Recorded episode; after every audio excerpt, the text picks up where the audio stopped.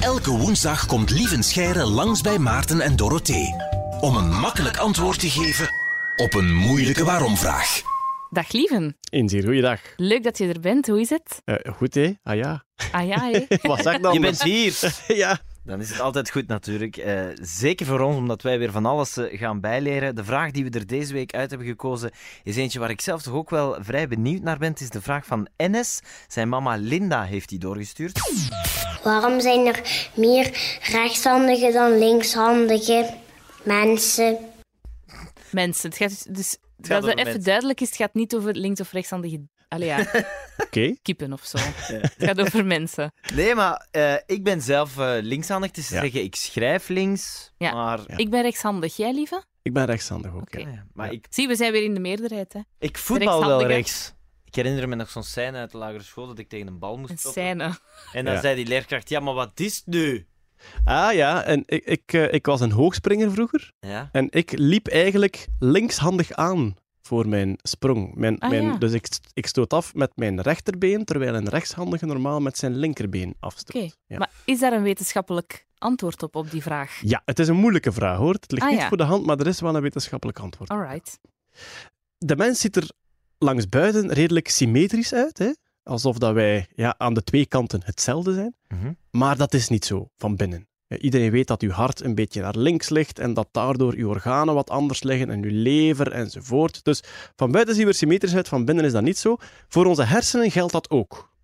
Onze hersenen hebben een symmetrische vorm, maar links en rechts hebben een beetje een andere functie. Sommige dingen zitten vooral aan de linkerkant en andere vooral aan de rechterkant. Zoals spraak bijvoorbeeld zit meestal meer aan één kant dan aan een andere kant.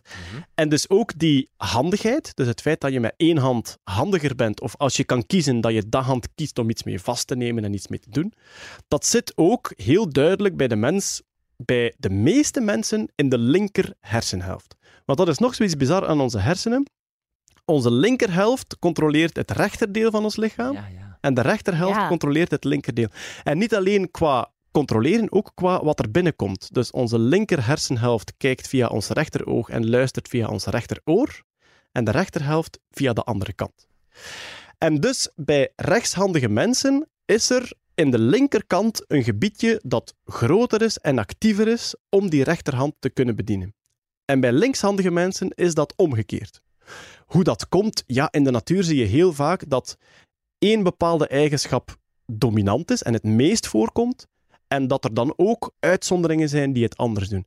En eigenlijk, als je kijkt naar biologische evolutie, het is geweldig nuttig voor een diersoort om uitzonderingen te hebben. Want als plotseling de leefomgeving verandert, kan het zijn dat iedereen die tot de norm behoort uitsterft. En dan wil je eigenlijk liefst dat er een paar uitzonderingen zijn die blijven leven. Neem nu bijvoorbeeld, suiker is lekker. Ja, dat is voor de meeste mensen is dat zo. Stel nu hypothetisch dat er in onze evolutie iets veranderd was en er was plotseling een heel giftige, maar heel zoete fruitsoort. Al die, eh laat ons zeggen, primaten toen, die suiker heel lekker Ja. zouden vinden, zouden dat opeten en doodgaan. En dan is het handig als soort om er een paar op reserve te hebben. Ik zou blijven leven, hè. Voilà. Eet liever hartig dan zoet. En voilà, kijk, maar dan is het handig Ja. om er een paar op reserve te hebben Ja, die dat niet lekker vinden, waardoor dat de soort blijft Ik voortbestaan. weet nu niet of ik zo'n goede reserve voor de soort ben, maar allee, ja, kom. Sowieso. Ja. En dus bij rechts- en linkshandigheid is dat ook. Je hebt een soort basis, maar de natuur heeft graag dat het af en toe ook een beetje anders gaat. Zo een beetje variatie in de soort is eigenlijk geweldig nuttig. En dus wat merk je? Bij die hersenhelften, bij linkshandigen zit dat zeer eh, actieve stukje aan de andere kant dan bij rechtshandigen. Waardoor er ook bepaalde functies een beetje verschuiven. Hè. Dus eh, taal zit bij linkshandigen ook een beetje meer verschoven naar de andere kant. En de manier waarop ze dat allemaal ontdekt hebben, vind ik geweldig boeiend. Dat is door de WADA-procedure. En dat is een manier om één helft van je hersenen te verdoven. Oh. En de andere blijft actief. En dan laten ze je taken uitvoeren. Dus handigheidstaakjes, taaltaakjes enzovoort. En dan zien ze hoeveel slechter je het doet als de ene helft verdoofd is en of als de andere helft verdoofd Lijkt mij heel creepy. Denk je dat je Nederlands aan het praten bent, maar eigenlijk komt er iets onverstaanbaar uit? Of? Ja. Je hebt natuurlijk ja, je hebt nog iets veel ingrijpender, wat gelukkig niet meer gebeurt. Dat is een lobotomie. En daar worden gewoon de verbindingen tussen de hersenhelften van elkaar afgesneden. En als je dus bij die mensen aan één oog een object laat zien en aan het andere oog een ander object, dan weten de twee hersenhelften niet van elkaar waar ze aan het kijken zijn. Dat is heel bizar, lobotomie. Ah. Maar goed, ik denk dat we vooral blij moeten zijn met hersenen die wel communiceren en die goed werken. Want als er iets misgaat in de hersenen, gebeuren er hele gekke dingen.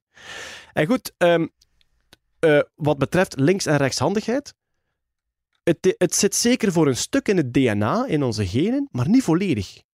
Want er zijn redelijk wat exacte tweelingen bekend, waarbij eentje rechtshandig is en de andere linkshandig. En moest het enkel in DNA zitten, zou dat niet zo zijn. Ja. Dus er is ook een beetje aangeleerd of andere factoren misschien in de ontwikkeling van de embryo die bepalen of je Ja. links- of rechtshandig bent. En goed, het feit dat, aangezien dat heel actieve stuk voor, eh, om uw hand te besturen bij linkshandigen aan de andere kant zit, zijn er enkele functies die verschuiven. En er is veel onderzoek naar, zijn linkshandigen dan over het algemeen beter in het een of beter in het ander? Daar blijkt wat verschil te zijn, maar dat is heel moeilijk te bepalen. Dus heel duidelijke antwoorden kan je er eigenlijk niet op geven. Er is nog een ander soort mens, en dat vind ik geweldig boeiend, die zijn helemaal gespiegeld. Helemaal. Hun hart ligt aan de rechterkant. Echt? En hun organen, alles ligt gewoon volledig gespiegeld. Ah, dat heb ik nog nooit gehoord. Ja. Kom. Dat heet situs inversus. Dat zijn mensen die dus volledig het spiegelbeeld zijn. En de meeste mensen, of heel veel mensen met situs inversus, hebben een tatoeage op hun borst. Ja, waarschijnlijk. Ah, ja. Inderdaad, waarop staat situs inversus. Omdat als die dan gereanimeerd moeten worden, of er is een ingreep, of die hebben een ongeval, dan moet de arts toch wel weten Dat het hart, ja. dat alles gewoon omgekeerd Oh Ja. my god, ja. Goh, man, toch. Er loopt wat rond in de Ja. natuur, hè, zeg. Goh, Ja. jongens. Maar allee, het is wel geruststellend dat als er morgen alle rechtshandigen iets overkomt op de planeet, dat we dan gelukkig nog linkshandige Maarten van Quali eh, Voilà. hebben om, ons te- ja, om, om de soort verder te zetten. Variatie in de natuur. Ja. En kijk, en als suiker plotseling giftig wordt, ga jij overleven. Voilà. En wat ik er precies zit te doen, dat weet niemand eigenlijk. Dankjewel, lieve Schijnen. Met plezier. Tot de volgende. Ook een leuke waarom-vraag gehoord waar je zelf het antwoord niet op kent? Stuur ze zeker door via de Q-app met de hashtag waarom daarom. En dan beantwoordt Lieven Scheire jouw vraag misschien volgende woensdag al.